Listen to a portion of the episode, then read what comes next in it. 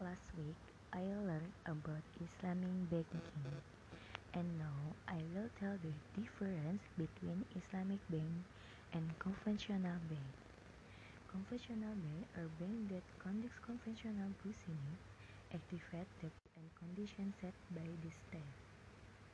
Conventional bank will accept all types of investment in all lines of business in accordance with specific requirements.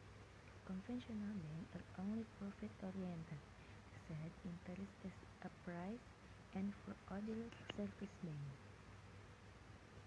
The bank use or in install various terms in a nominal or a certain percentage.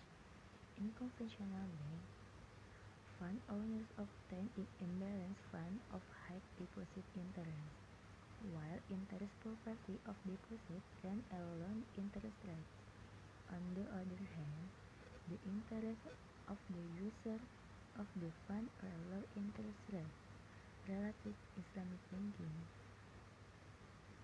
Islamic bank will only make investments that are in accordance with Islamic provisions, halal investment only, profit-oriented, and for prestige and happiness in the afterlife.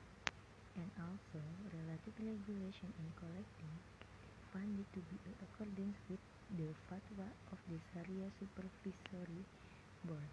All activate in Islamic bank must know live the teaching of Islam. Thank you.